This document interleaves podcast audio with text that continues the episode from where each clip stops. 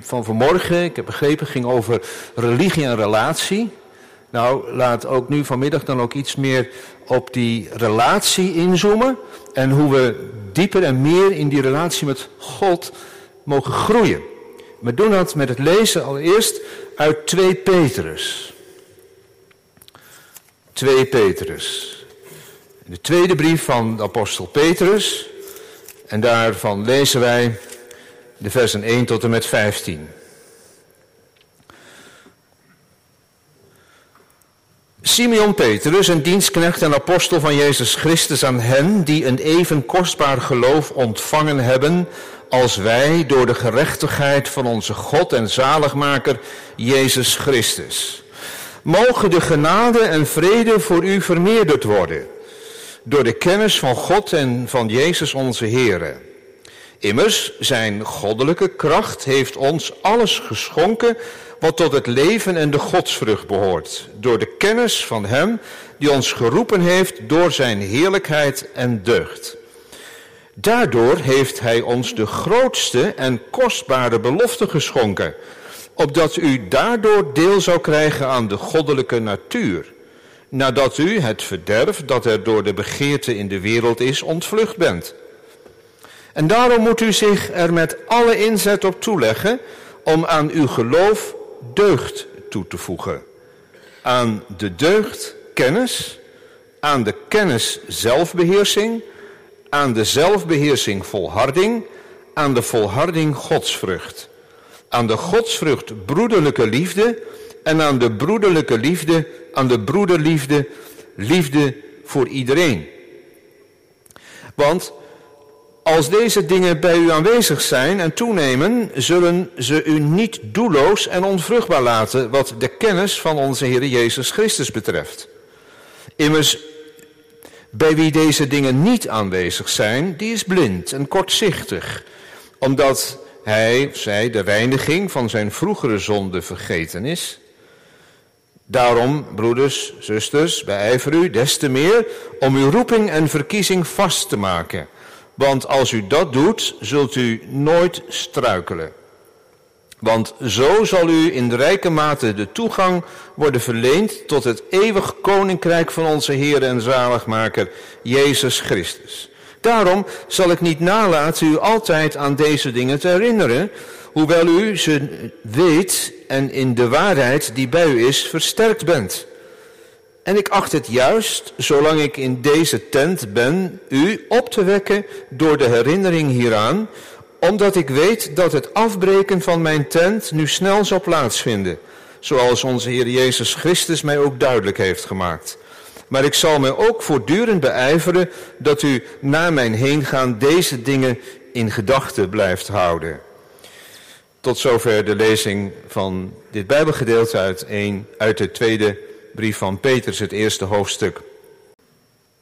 Verrijk je geloof.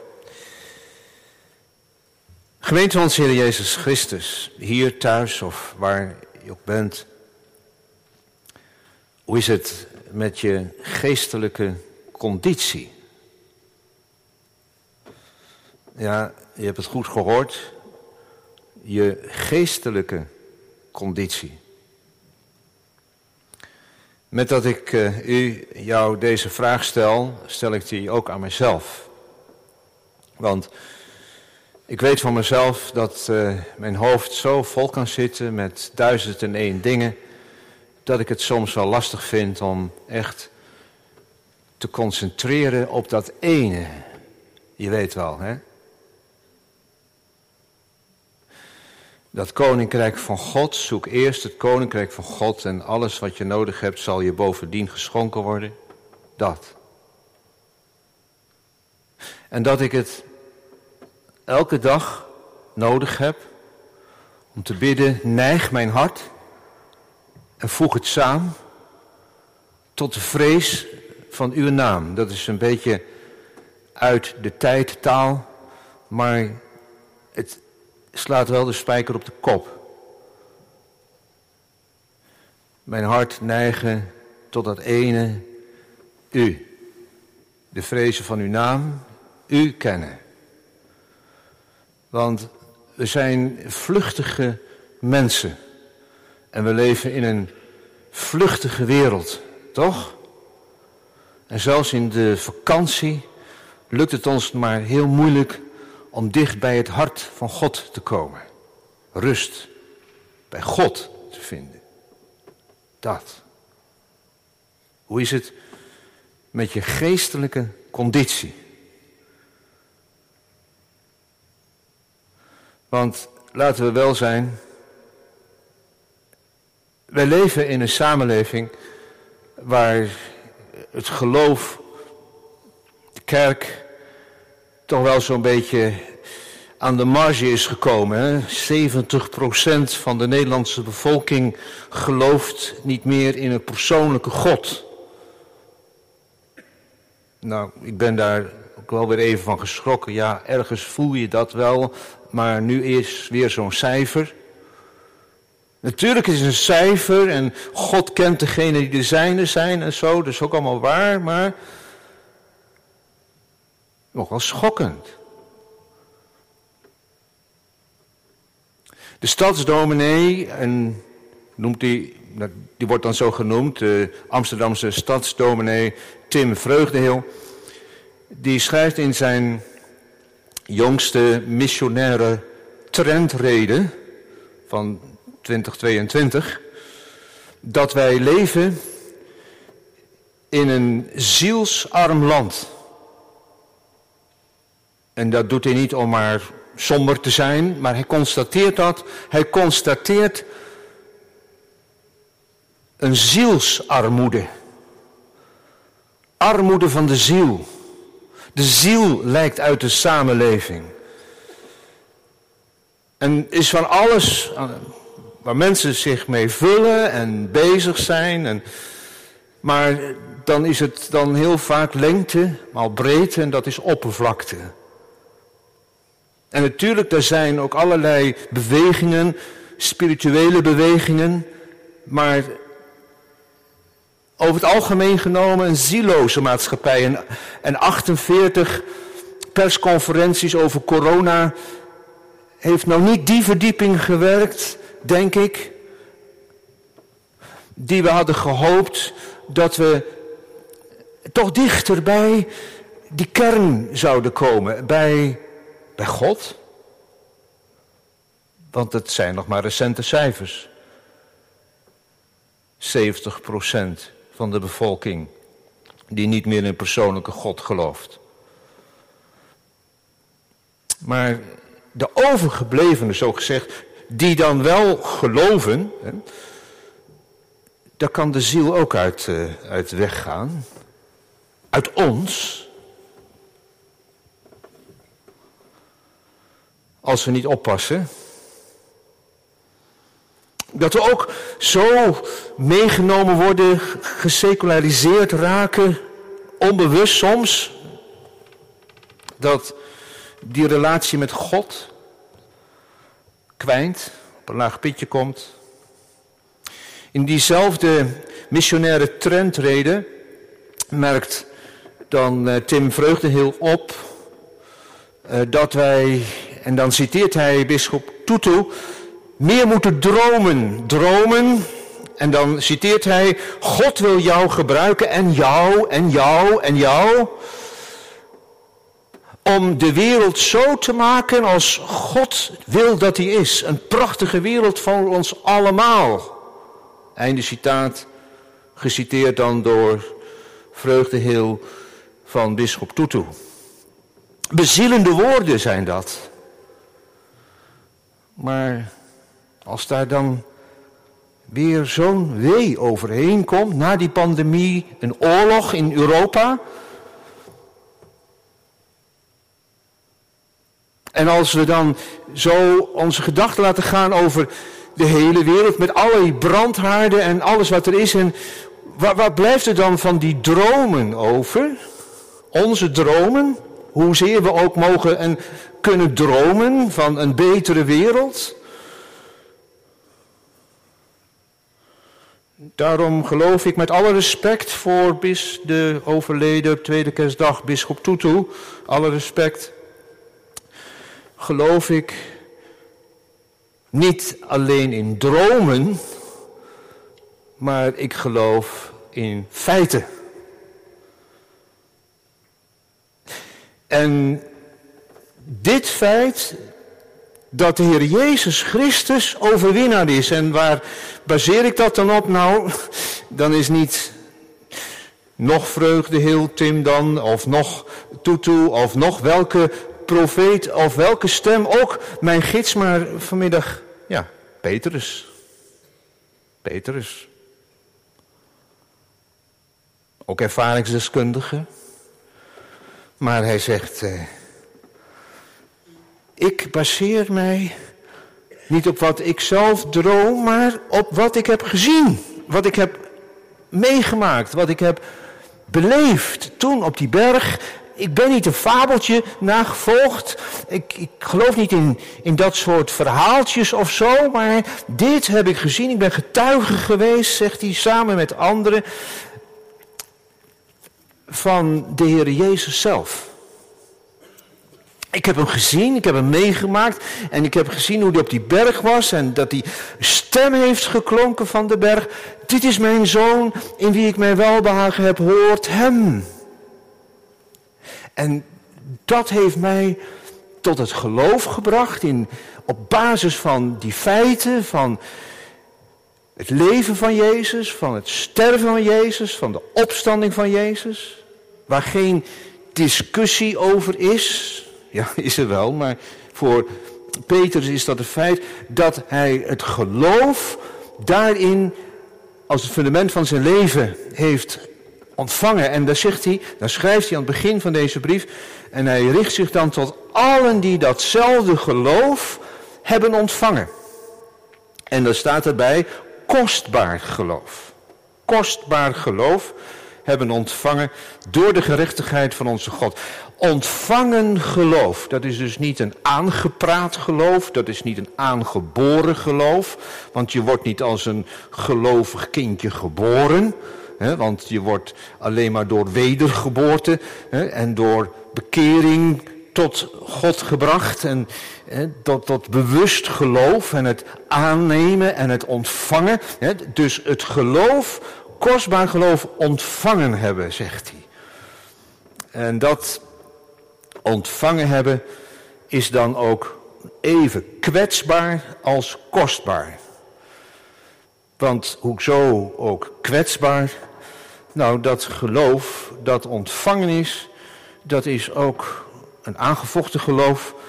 Dat is een geloof waar aan geschud wordt en waar in onze tijd aan geschud wordt, maar waar ook in de tijd van Petrus aan geschud wordt. En die hele brief, die tweede brief van apostel Petrus is één kriedekeur, één verlangen om maar vast te houden wat je hebt ontvangen. Want de wereld waarin wij leven in die tijd van Petrus heeft hij over, is vol met allerlei valse leraren en allerlei ideeën die ons van dat geloof kunnen aftrekken, waardoor we de ondergang tegemoet gaan. Dat is eigenlijk de kern van die tweede brief van Petrus. En dan loopt dat uit hè, op de eh, de lofprijzing van God, hè, op de groei in de genade, in de kennis.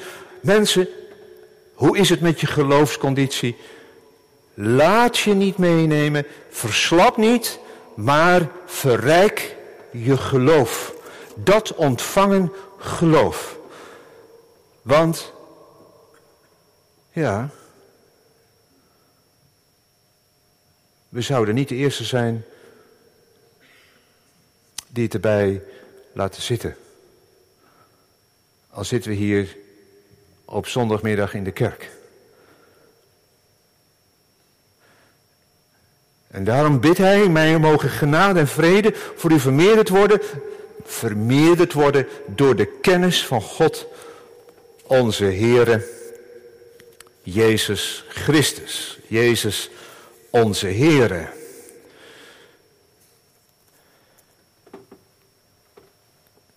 En dat is de, zou zeggen, de drive, de aanjager hiervan, eh, wat hij verder schrijft over wat je dan bij je geloof moet voegen. Om dat sterker te maken, om dat vaster te maken, om daar niet iets van kwijt te raken. Ik zei al, Petrus, ervaringsdeskundige, ja, hij, hij weet het uit zijn eigen leven, hoe, hoe, zwak dat kan zijn, hoe dat kan kantelen. Hoe hij op één moment zei, u bent de Christus, en op een ander moment hem verlogende. Maar daar wil hij niet in blijven steken. Hij wil ons bemoedigen. Bemoedigen, aanmoedigen. Want geloof, dat is het eerste cadeau. Het eerste cadeau, ja, het is een geschenk, maar het is het eerste cadeau van God. Ik moet even denken aan uh, toen ik uh, die basisdoos kreeg, toen ik zo jochie was, ik weet niet precies hoe oud, van die eerste elektrische trein, weet je wel, het locomotiefje en dat rondje. En dat was de eerste basisdoos. Maar uh, ik uh, zal geen merk noemen, maar al gauw had ik natuurlijk daar niet genoeg aan. Daar moest wat bij. Dan was die, had je uiteindelijk een elektrische trein. Zei, ik heb ook een elektrische trein, kon je laten zien. Maar basisdoos. En bij de eerstvolgende verjaardag en andere gelegenheden dan kwamen de rails en dan kwamen de wissels en dan kwamen wagonnetjes, en kwamen dit, kwamen dat. Ja, die, is er allemaal niet meer. Goed, maar dat kun je zeggen, dat ga je niet met geloof vergelijken, want dat is er nog wel. Maar, maar het is wel die doos waar het mee begint. Het is maar een voorbeeld natuurlijk, maar het is iets, dat zegt iets van dat je niet tevreden bent. Of zeg maar, nou ja, ik mag geloven dat de Heer Jezus ook voor mij is gestorven. Ja, en dan? Verrijk je geloof want anders is het toch heel erg kwetsbaar hoor. Dan kun je het zomaar zat worden. dat ene rondje. Moet meer. Moet iets aan toegevoegd worden. Zegt Petrus. Uitgebreid. En waarom? Omdat God door de Heer Jezus en de Heilige Geest ons meer en meer deel wil laten krijgen aan zijn goddelijke natuur. Nou, dat klinkt een beetje gevaarlijk, want wij zijn toch maar mensen. En hoe kunnen wij aan de goddelijke natuur deel krijgen? Dat riekt een beetje naar ja, wat er in die tijd allemaal ook geleerd werd aan hogere ideeën en, en aan God, die moet je zoeken in, in je diepste kern en ja, daar moet je dan één mee zien te worden. Nou, daar gaat het dus niet over. Het gaat over die natuur van God. En God is de gans andere en dat is de hoge en de verheven en de heilige.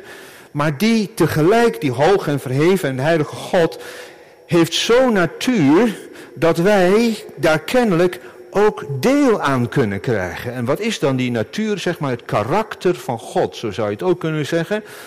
Dat, heeft, dat is zijn rechtvaardigheid, dat is zijn heiligheid, is zijn liefde, dat is alles wat er in God is en dat zijn, ja, je zou kunnen zeggen, die eigenschappen die hij ook met ons wil delen. Dus niet zijn almacht, maar wel die andere.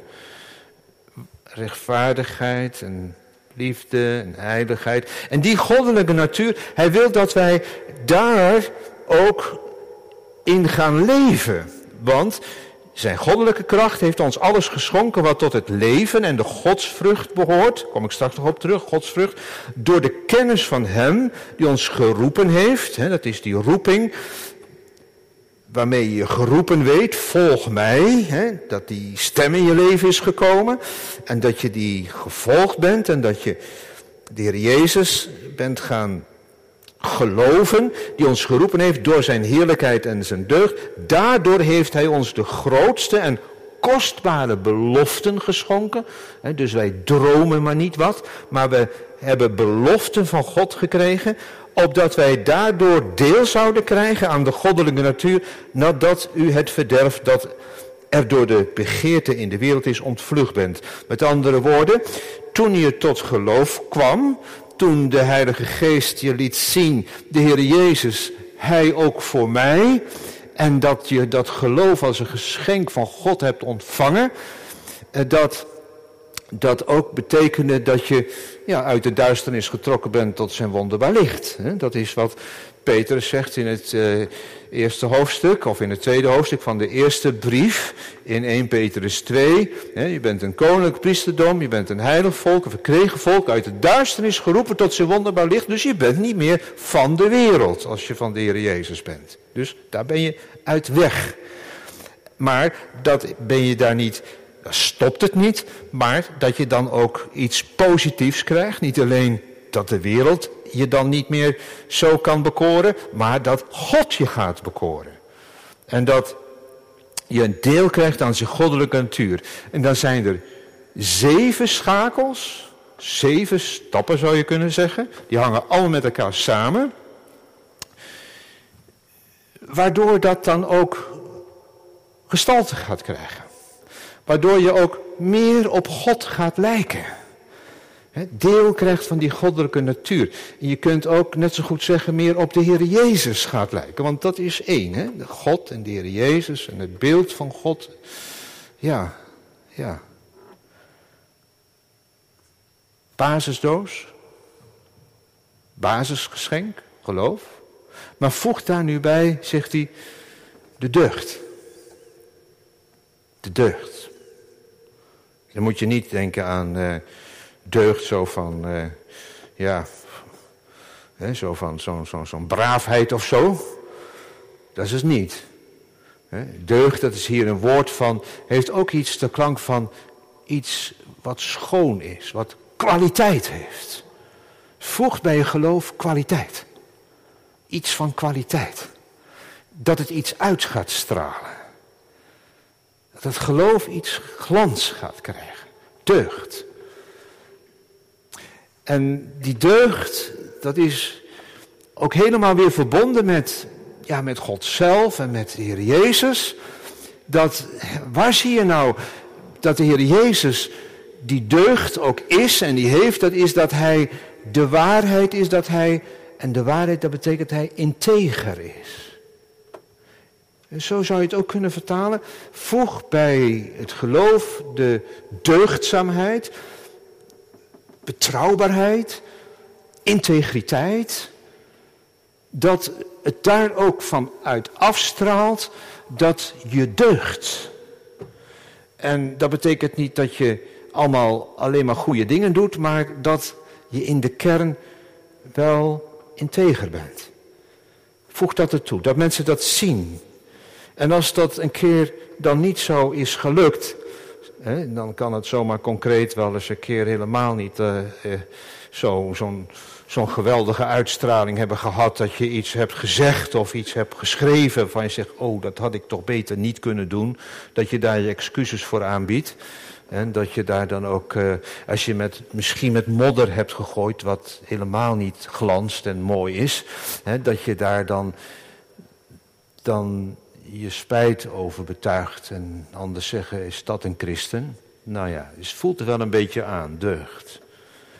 Integriteit, betrouwbaarheid, ook glans en wat mooi is, wat, wat, ja, wat het geloof ook kan aantrekken. En ja, bij die deugd, daar komt dan ook gelijk, gelijk kennis bij. Dat is dan in één schakel bijna zou ik zeggen, in één adem kennis.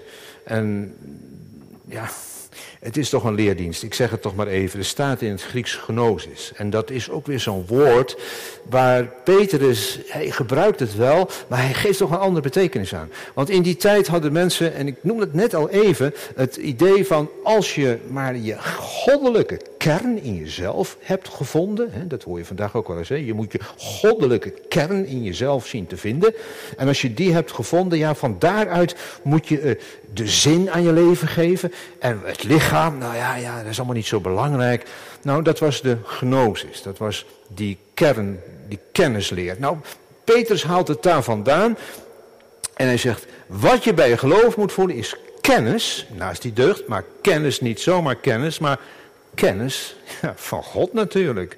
En van, ook van Jezus. Het is ook hè, die relatiekennis. Het is die geloofskennis. Het is kennis Waardoor je gaat onderscheiden wat goed en wat niet goed is. Wat welluid en wat niet welluidend is.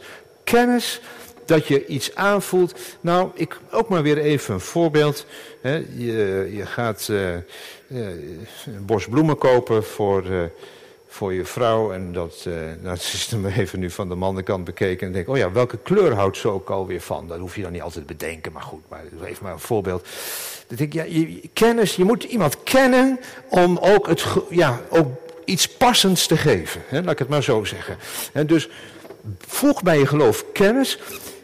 Probeer ook, niet alleen probeer, maar door de omgang met God ga je ook voelen wat bij hem past kennis. En dat is niet intellectuele kennis dus. Hè, want intellectuele kennis is ook helemaal niets mee. Is juist heel belangrijk dat we ons ontwikkelen. En er is helemaal geen probleem tussen geloof en wetenschap. Dat is dat moet je gewoon allemaal bij elkaar houden, geloof en wetenschap, maar dat je ook de ontwikkeling van je intellect ook ziet als een geschenk van God en dat het ook is in dat grote kader van het dienen van God. Dus ook als je op universiteit zit of ergens anders studeert of, uh, of bezig bent met een project of met een onderzoek, kennis, je intellectuele kennis staat ook in het kader van die kennis van God. En dat kun je daarin integreren. Ook al kan het wel eens schuren. Maar goed, dat is wel belangrijk. En daarom is die kennis ook samen verbonden met. Hé. Past dat wel? Zelfbeheersing. Ja. Zelfbeheersing. Want we kunnen zomaar ook helemaal zo bezig zijn met ons eigen ik, ook als gelovigen, dat we helemaal concentreren op als het maar voor mij past en als ik het maar goed heb. En dat gaat in de samenleving, dat gaat in de kerk, als ik er maar een goed gevoel bij heb en dan kun je, nou ja, ook heel veel uh, wel geloof, kennis hebben, maar toch bezig zijn met dat jouw eigen wil moet worden gedaan. De dikke ik, die op alle fronten bevredigd moet worden en aan zijn trekken moet komen. Maar dan zegt Petrus, ja, vanuit die kennis met God word je ook bescheiden en ga je ook jezelf beheersen en worden jouw verlangens ondergeschikt gemaakt aan de verlangens van God. zie je het? Zelfbeheersing heeft te maken met die kennis. Want doordat je met God omgaat, worden mijn verlangens ondergeschikt gemaakt aan de verlangens van God en niet omgekeerd. En dat is vaak wel zo, hè? Dat wij van allerlei dingen willen en onszelf dan daarvoor zelfs groot kunnen maken. Nee, beheersen. En zoals Willem Barnard dat diep heeft verwoord in dat gezang dat we hebben gezongen, 252, want wie zijn ziel niet prijsgeeft, maar vasthoudt tot het eind, wie zijn bestaan niet kruisigt, hoezeer hij levend schijnt, hij gaat voorgoed verloren, het leven dat hij koos is te vergeefs geboren, en eindigt vruchteloos. Dat is als je geen zelfbeheersing hebt. Eindigt vruchteloos. Nou, dat zie je dan in dat hele gebeuren van, van Petrus. En er zijn die, hè, er zijn die, die, die, die, die en die zeggen, nou, doe toch waar je zelf zin in hebt. En laat je dan toch niet door al die uh, regeltjes betuttelen en zo. en dat, uh, ja, dat, dat, ik lees het even uit het, uh, uit dat gewone taal, Bijbel voor gewone taal, dan komt het direct binnen. Hè? Dat denk ik dat het wel direct dan binnenkomt. En er staat, de Heer zal voor al de mensen straffen. En dat staat in de Bijbel in gewone taal. Die hun slechte verlangens volgen, die zichzelf niet kunnen beheersen en verboden seks hebben. En de mensen die beweren dat de Heer niet over hen zal oordelen. Nou, Nou, daar gaat het ook in die andere Bijbelgedeelte over hier in uh, valse leraren genieten ervan om zichzelf overdag helemaal vol te gieten met drank. Door dat slechte gedrag maken ze iets belachelijks van de feestelijke maaltijden die jullie met elkaar vieren. Met andere woorden, ze mengen avondmaal en die feesten door elkaar heen. Vreemd gaan is het enige waaraan ze kunnen denken. Ze houden nooit op met zondigen. Ze verleiden mensen met een zwak geloof. Hè, met een zwak geloof. Daarom is het zo belangrijk dat je geloof verrijkt. Om zich slecht te gedragen. Ze zijn gewend om altijd aan geld te denken. Maar het zal verkeerd met hen aflopen. Nou, gewone kun je het niet zeggen. Dus zelfbeheersing. En omdat dat best wel een, nou ja, omdat dat best toch wel uh, een ding is, hè, dat het je niet zomaar vanzelf afgaat, die zelfbeheersing. Een heel gevecht is soms. Moet er ook volharding zijn. Je kunt ergens aan beginnen, maar je moet wel volhouden. Geloof, die basis, dat is begin. Deugd, kennis van God, zelfbeheersing, maar dan ook volhouden, volharden. Dominee Wim Dekker, of dokter Wim Dekker, schrijft naar aanleiding van dat onderzoek dat maar 70% nog van de Nederlandse bevolking in een persoonlijke God gelooft. Hij zegt, je moet wel de moed hebben om het vol te blijven houden. Hè? De moed om het vol te blijven houden. Nou, zo kun je het zeggen de moed om het vol te blijven houden, is volharding nodig. Volharding. Er is een, een gevecht, er is een, een, strijd om ons eigen hart, gemeente. Er is een strijd in ons eigen hart. En we kijken dus niet naar de mensen naar de buitenkant, maar de strijd is in ons eigen hart. In mijn hart althans wel. En je kunt zomaar teleurgesteld weer raken in jezelf. Ben ik dat nou? Dat het weer misging? Met die zelfbeheersing bijvoorbeeld, of met iets anders. Volharding. En omdat ook die volharding ons niet komt aanwaaien, is godsvrucht nodig. Godsvrucht. Dat vind ik een heel mooi woord, godsvrezen. Gods verborgen omgang vinden zielen daar zijn vrees in woont. Ook zoiets, hè? Wat is dat nou? Godsvrucht is niet dat je voortdurend maar denkt, oh ja, nu heb ik weer iets verkeerd gedaan en zal de Heer God met mij wel afrekenen of zo, of aan het eind zal hij afrekenen. Nee, godsvrucht, dat is die. En zoals een kind opkijkt tegen zijn vader, of uh, ja, tegen iemand opkijkt, en uh, tegelijk naar die vader toekruipt en op schoot gaat zitten. En dus niet bang is voor die vader, maar Gods vrezen, dat is eerbied en vertrouwen. Die twee, eerbied en vertrouwen. En dan zomaar met die vader gaat praten en van alles gaat vertellen. En zo kun je dus ook uh, godsvrucht, dat je eerbied voor God, voor zijn heiligheid, maar tegelijk ook vertrouwen en zomaar alles gaat vertellen. Waar je, Heere God, ik snap er echt helemaal niets van, zoals die man dat pas zei van, eh, van zijn vrouw, die had hij heel lang verzorgd en hij had nog gebeden, mag ik haar nog langer verzorgen, maar ja, toen is zij toch overleden en dat hij tegen God zei, ja, maar nou heb ik niet meer een maatje om voor te zorgen. Ja, ja, en toch moest hij dat overgeven. En zo kon hij ook hele gewone dingen, je mag ook hele gewone dingen tegen God zeggen. dat je het soms niet ziet zitten en dat ook waar je blij mee bent. dat is net als dat kind met die vader praat. Godsvrucht. Nou, vanuit die godsvrucht komt er meer karakter van God in ons en het belangrijkste karaktertrek is dan de liefde. Hè?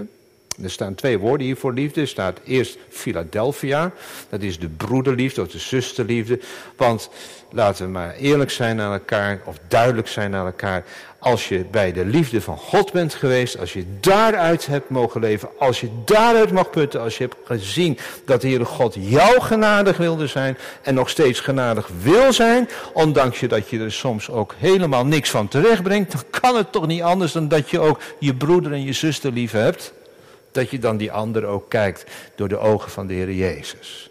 En zo in de gemeente, met, niet alleen met respect met elkaar omgaat, en ook niet alleen inclusiviteit propageert, hè, van iedereen mag er wel bij horen. Nee, maar liefde, dat gaat veel verder. Hè? Broederliefde, broederliefde en zusterliefde. Dat is het karakter van God. En daar hoef je niet alles mee goed te praten, altijd met elkaar eens te zijn, maar wel één te zijn in die liefde. En daarbovenuit dan die liefde, zegt Petrus, voor allen, voor allen. Er staat agape. Dat is liefde en dat is ook weer zoiets van, moet je dan iedereen maar lief hebben? En ja, er is toch ook onrecht in de wereld? En ja, dat moet ook aan de kaak gesteld worden. En in, en in Oekraïne, in de wereld. En toch liefde voor allen. Want als er dan een verloren zoon of dochter thuis komt, dat je die met open armen ontvangt. Wie het dan ook is. Liefde voor allen. Om zo je verkiezing vast te maken. Want dat is het doel hiervan. Ja, het doel is natuurlijk God te verheerlijken. Maar, want zo zal in rijke mate.